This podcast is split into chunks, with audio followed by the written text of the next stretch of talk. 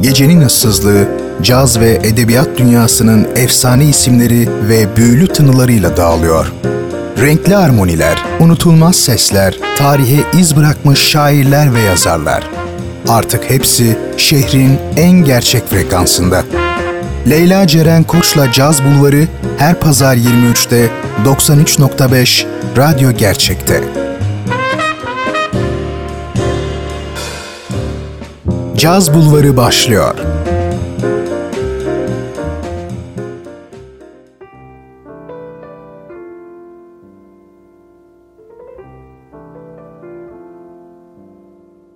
Samsun'un edebiyat, caz ve dünyanın en iyi müzikleriyle dolu adresi Caz Bulvarı'ndan herkese merhaba sevgili dinleyenler. Ben Leyla Ceren Koç'la birliktesiniz. Her pazar gecesi olduğu gibi bu gecede radyo gerçek frekansında dünya tarihine adın altın harflerle kazımış bir isimden bahsedeceğiz. Ve bu isim edebiyat dünyasına ait bir isim olacak. Modern Avrupa'nın ilk romanı olarak kabul edilen ve bugüne dek yazılmış en iyi kurgusal eserlerden biri olan Magnum Opus olarak adlandırılan Don Quixote'un yazarı, İspanyol roman yazarı, şair ve oyun yazarı Miguel de Cervantes Saavedra'dan bahsedeceğiz ve madem İspanyol bir yazarın hayatını anlatacağım, o zaman İspanyol müzikleri dinlemekte de fayda var diye düşündüm tabii. Onun için sevgili dinleyenler Caz Bulvarı'nda bu gece Cervantes'in hayatını dinlerken diğer yandan da Bacadolicia, Eserelle Morente, Vincente Amigo gibi muhteşem isimlerin eserlerine kulak vereceğiz. Caz Bulvarı başlıyor. Hoş geldiniz. Müzik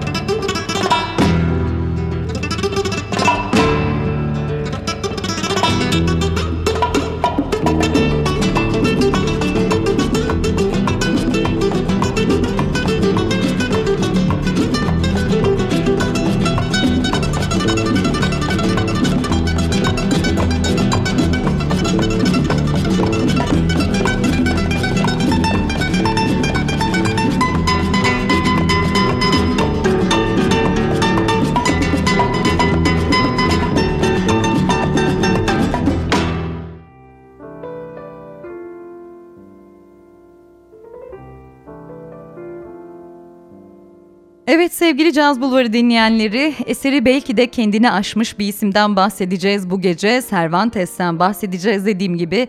Don Quixote yine belirttiğim gibi Avrupa Edebiyatı'nın ilk romanı olarak kabul gören oldukça önemli kurgusal bir eser ve daha da önemlisi dünya dillerine ve kültürlerine evrensel, sınırların ötesinde bir deyim kazandırmış bir eser.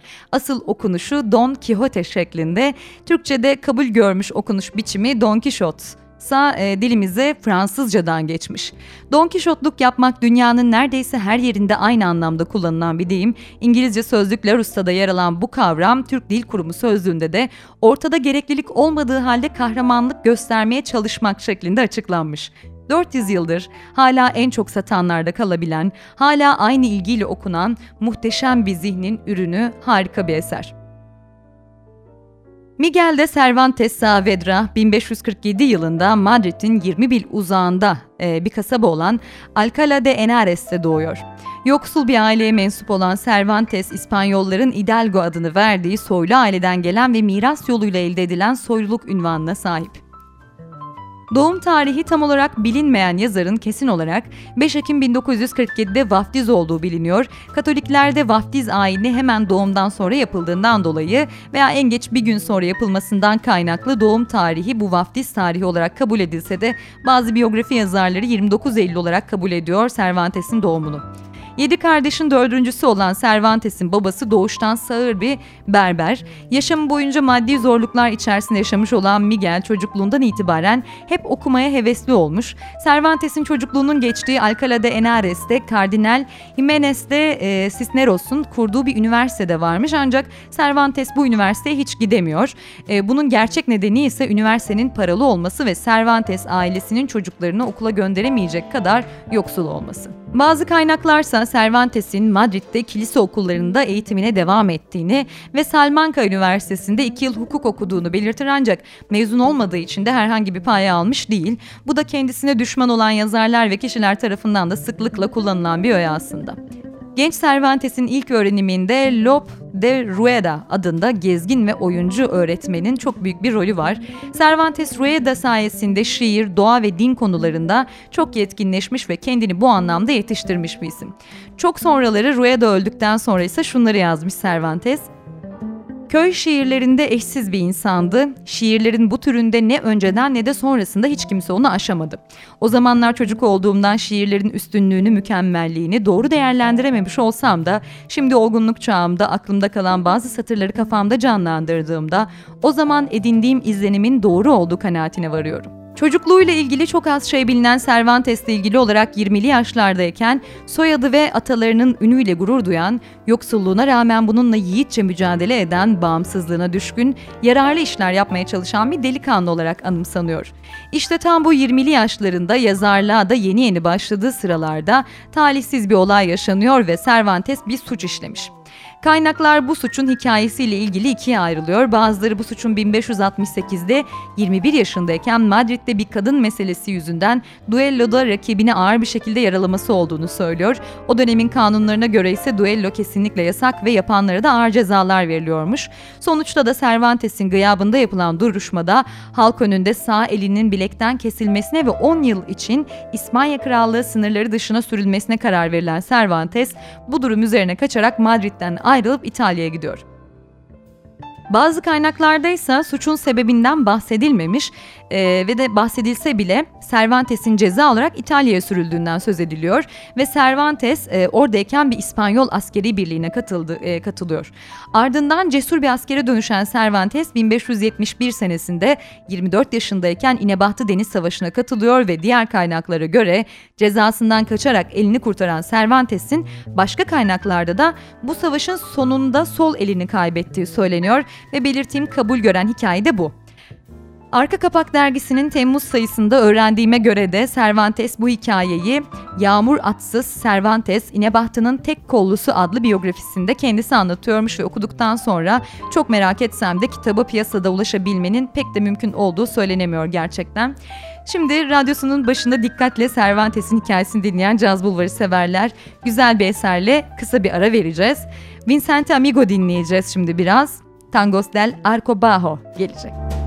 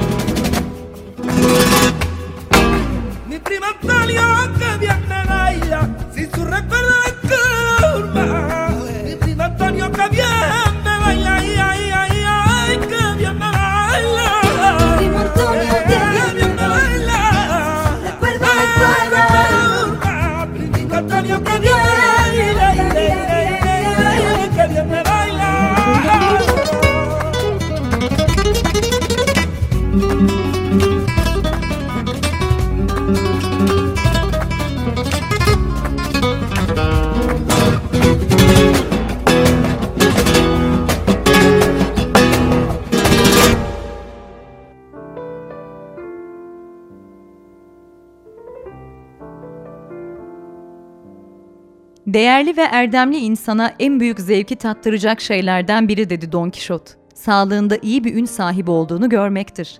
Hele maceraları basılıp yayınlanırsa demeyin gitsin. Ama bakın iyi bir ün diyorum. Çünkü bunun tersi ölümden beterdir.'' Radyosunu yeni açanlara kısa bir hatırlatma 93.5 Radyo Gerçek frekansında Caz Bulvarı'ndasınız ve Norveç Nobel Enstitüsü'nce ve dünyaca ünlü yüz yazar tarafından dünyada tüm zamanların en iyi kurgu eseri seçilen, Türkçe'de ise ilk kez 1993 senesinde yayınlanan Don Quixote, Don Quixote'un yazarı Miguel de Cervantes'ten bahsediyoruz. Evet Cervantes, El Mancho de Lepanto e, lakabını İnebahtı Deniz Savaşı'nda aldıktan sonra tek kolu ve kardeşiyle birlikte birkaç yıl daha orduda hizmet vermeye devam etmiş. Ancak macerası burada son bulmamış tabii ve 1575'te kardeşiyle birlikte İspanya'ya dönerken Türk denizcilerine esir düşen Cervantes 5 yıl boyunca Cezayir'de Osmanlı esiri olarak kalıyor. Aralarda sık sık kaçmayı da deneyen Cervantes hiçbirinde başarılı olamamış ve sonunda da fidye verilerek kurtarılan Cervantes 1580 senesinde İspanya'ya dönebilmiş ve yazarlığına da devam etmiş ve Cervantes'in bu yıllarının da Don Quixote romanında önemli bir yeri var. Cervantes İspanya'yı terk ettiğinde henüz 21 yaşında bir gençken döndüğünde artık 33 yaşında bir beyefendi olmuştur ancak tabii işsizdir. Para kazanmak için sahne eserleri yazan yazar bu yaşlarında evlenmiş. Fakat yazdığı eserlerden yeterince para kazanamayınca geçim sıkıntısı söz konusu oluyor ve Cervantes de donanma ambarında memurluğa başlamış. Ülkenin taşrasından tahıl tedarik edip vergi toplayan Miguel, burada da hesapları iyi tutamadığından kasa açık verince 1597 senesinde yeniden hapse düşüyor. İşte en önemli eseri Don Quixote'yi de hapis günlerinde yazmaya başlıyor. Eserin tam adı El Ingenioso Hidalgo Don Quixote de la Mancha yani La Manchalı yaratıcı asilzade Don Quixote. Eserin ilk cildi 1605 senesinde yayınlandığında inanılmaz bir ilgi görüyor ve tüm baskıları bitiyor ve hatta kopyaları çıkarılmış. Durum böyle olunca da Cervantes eserin ikinci cildini yazmaya karar vermiş ve o da 1615 senesinde yayınlanmış. Roman kısa sürede yalnızca İspanya'da değil yakın Avrupa ülkelerinde de ciddi anlamda seviliyor ve birçok dile çevirisi yapılıyor. İlk cildinin İngilizce çevirisi 1612 senesinde, ikinci cildin çevirisi ise 1620 senesinde yapılmış. Bu arada Miguel ilk romanını da 1585'te yayınlıyor, La Galatea. Pastoral bir aşk öyküsünü anlatan bu kitapsa Don Quixote'den çok farklı olarak ikinci baskısını bile yapamamış. Şimdi sevgili dinleyenler devam edeceğiz ama yine güzel bir şeyler dinleme zamanı geldi. Dinleyeceğiniz ilk isim benim bayıldığım, hayran olduğum bir kadın Estrella Morente olacak. Flamenco kültürünün tam ortasında büyümüş buram buram Endülüs tadında bir isim. Hemen sonrasında da yine Morente ile devam edeceğiz ama bu defa bir başka dev isimle birlikte Vincente Amigo ile gerçekleştirdikleri bir kayıt La Estrella gelecek.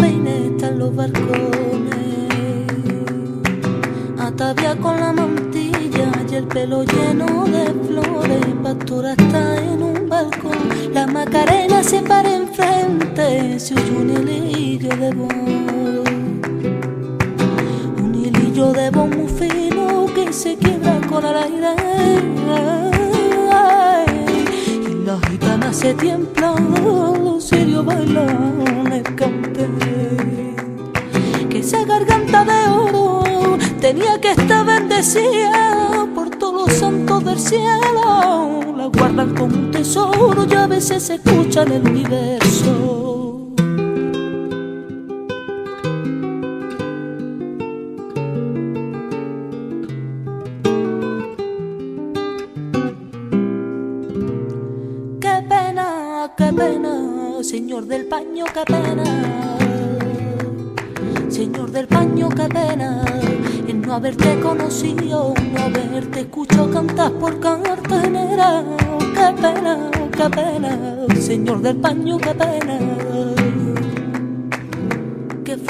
cantaste que todavía andan soñando miles de estrellas, miles de astros, que vos más bella.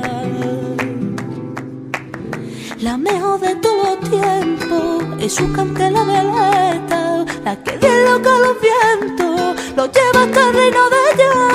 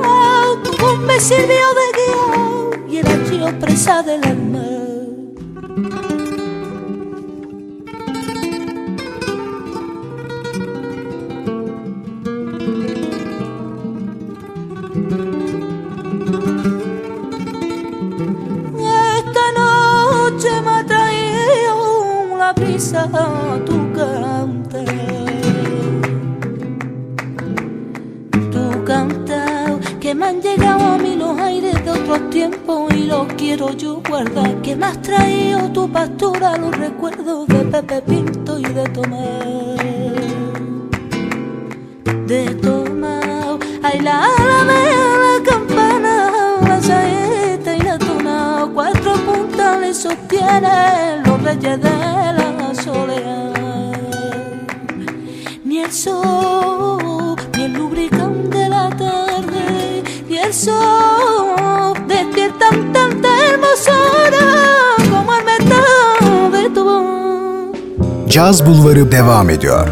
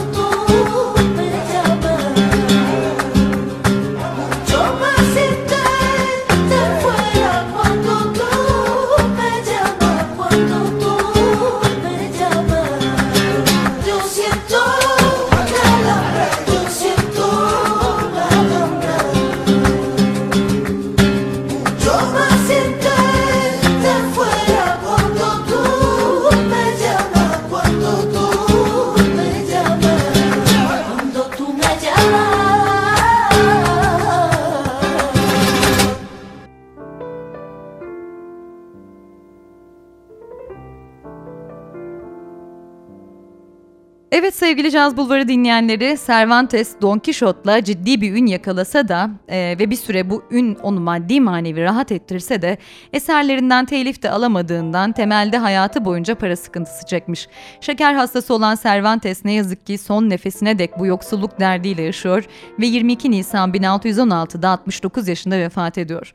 Bir manastıra gömülen yazarın uzun yıllar boyunca mezarı kayıp ancak 2015 yılında kemikleri öldükten sonra e, çok sonra daha doğrusu taşındığı Madrid'deki Trinitarian Manastırı'nda ortaya çıkıyor.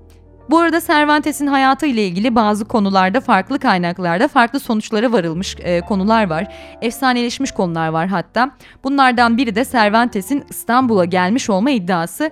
Yaygın olan bir iddiaya göre Türklere esir düşen Cervantes İstanbul'a getiriliyor ve Kılıç Ali Paşa Camii'nin inşaatında çalıştırılıyor. Dediğim gibi bu olay çok yaygın bir biçimde ve hatta oldukça gerçekçi bir şekilde anlatılsa da böyle bir şey yaşanmamış. Esertinin tümünü Cezayir'de geçiren Cervantes'in İstanbul'a getirilmeden hemen önce fidyesi ödeniyor ve İspanya o şekilde dönüyor. Don Quixote'deki İstanbul'a dair ayrıntılı bilgileri ise askerlik ve esirlik yıllarında tanıştığı denizciler olduğu e, onlardan edindiği bilgilerle yazdığı tahmin edilebiliyor. Başlarda da belirttiğim gibi La Manchalı yaratıcı asilzade Don Quixote, Türkçe'ye ilk kez 1993 e, senesinde çevrilmiş, Yapı Kredi yayınları tarafından Rosa Hackman çevirisiyle yayımlanan Don Quixote'de Jale Parla'ya ait bir sunuş yazısı da var ve Jale Parla, Don Quixote'la derin ilgisi bulunan bir akademisyen.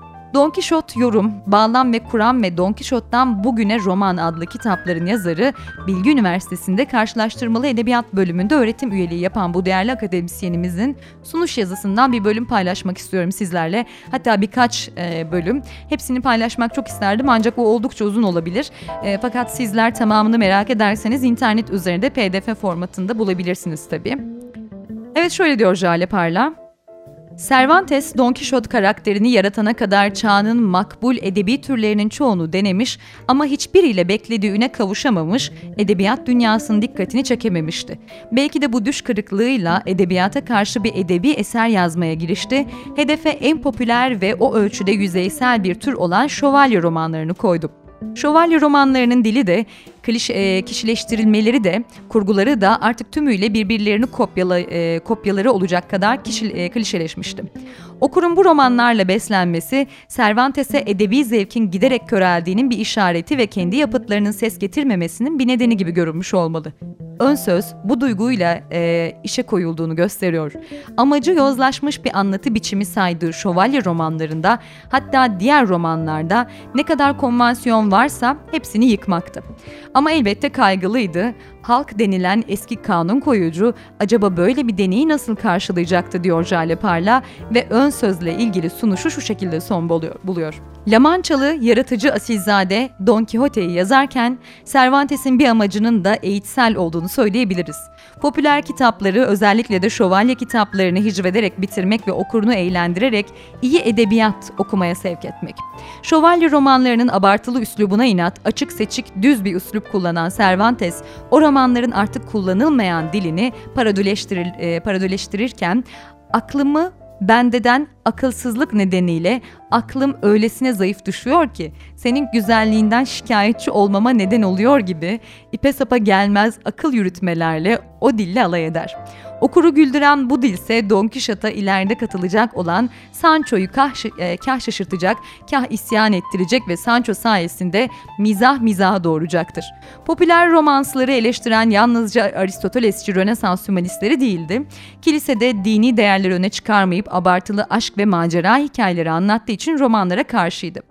Ama Cervantes'in karşı çıkışı ön sözden anladığımız kadarıyla ikisinin de ötesine geçiyor. Bu romansları klişeleşmiş abartılı bir dil kullan, e, kullandıkları için, mantıksız oldukları için Yıllar geçer, aşıkların başından bin bir olay geçer, sonunda kavuşurlar o kadar işkence, yoksulluk, etilip kakılmaya karşın ve geçen zor yıllara karşın hala ilk aşık oldukları kadar güzeldirler.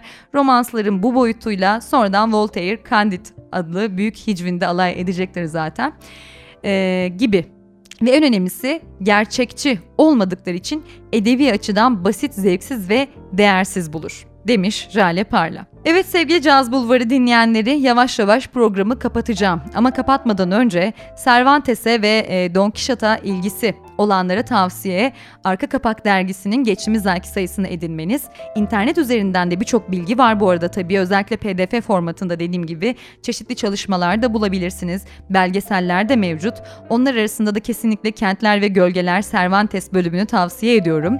Buket Uzuner hem Madrid'i geziyor hem Cervantes'i anlatıyor hem de Don Quixote'u. İşte ben de bu hafta hem bu kaynaklardan hem de dergiden faydalandım.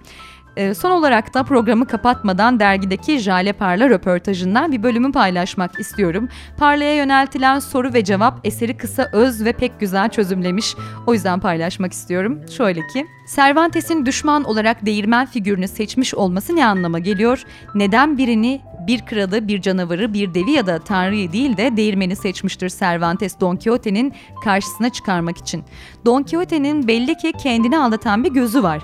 Peki bu aldanışa neden ihtiyacı var? Parla ise soruyu şu şekilde yanıtlamış. Yel değirmenleri Don Kişot'un savaştığı yalnızca bir düşman. Don Kişot düşman krallarla, haydutlarla, düşman ordusu diye nitelediği koyun sürüleriyle, haksızlık yaptığına inandığı egemenlerle de savaşır. Yel değirmenleriyle savaşı sanırım kitabın ilk öyküsü olduğu için en bilineni olmuştur. Zaten birçok kişi Cervantes'in yapıtının maalesef kısaltılmış versiyonlarını okur. Antolojilerde ise en çok e, alıntılanan bu yer e, yel değirmenleriyle savaştır. Oysa aynı savaş öğeleri ve e, kişileri değişerek kitap boyunca tekrarlanır. Don Quixote gördüğü gerçeklere inanmak yerine bu gerçekleri yok sayarak bir kaçış dünyası yaratmayı amaçlayan kötü edebiyatın yani şövalye romanlarının kurbanıdır. Öykü ilerledikçe bu tek boyutlu kişiliği e, çevresini saran söylemlerle çeşitlenir gelişir. Başlangıçta basit bir hiciv olarak düşünüldüğünü anladığımız bu kitapta neredeyse mucizevi bir şekilde farklı bir derinliğe evrilir. Don Quixote karakteri de bu sayede edebiyat hayatta en çok diriltilen edebi arketiplerin başında gelir şeklinde cevaplamış Jale Parla. Evet sevgili dinleyenler, Don Quixote kimi kesim için bir sistem eleştirisi, kimileri içinse bir delilik güzellemesi ancak değişmeyecek ve gerçek olan bir şey vardır ki bunu da yine Jale Parla'nın sonuçunun başında söyledikleriyle aynen aktarmak istiyorum. Cervantes'in La Manchalı yaratıcı asilzade Don Quixote için yazdığı ön sözü okurken gözümüzde masasında oturmuş kalemini kemiren kaygılı bir yazar resmi canlanır.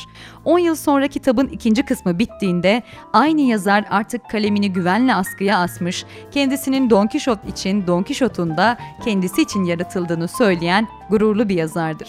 Çünkü bu iki resim arasındaki sayfalarla o tüm edebiyata, romana, şiire, tiyatroya sınırsız ilham kaynağı olacak bir başyapıt bırakmıştır.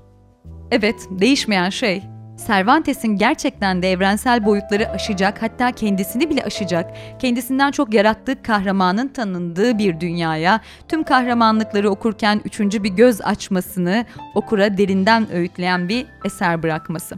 Ve sevgili Caz Bulvarı dinleyenleri böylece programın sonuna geldik. Haftaya bir başka efsanenin hayatıyla radyonuzun diğer ucunda olmaya devam edeceğim. O zamana kadar elimizdeki bir haftayı hepimizin neşeyle geçirmesi dileğimle haftaya pazar 23'te tekrar buluşuncaya kadar hoşçakalın. thank you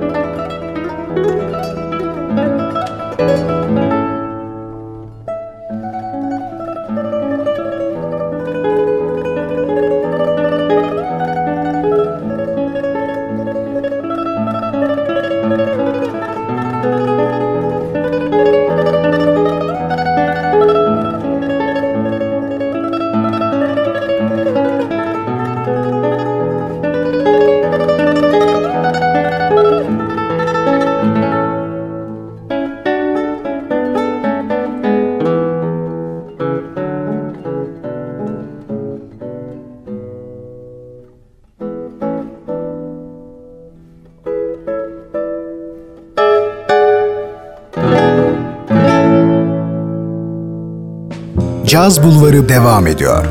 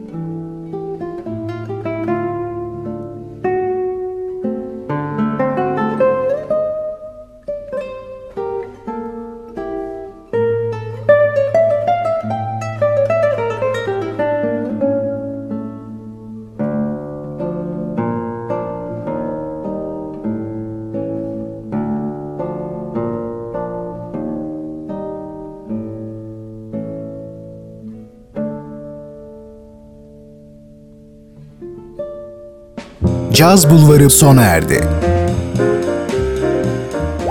Bu program hakkındaki düşüncelerinizi dinleyen et radyogercek.com adresine mail atarak bize ulaştırabilirsiniz.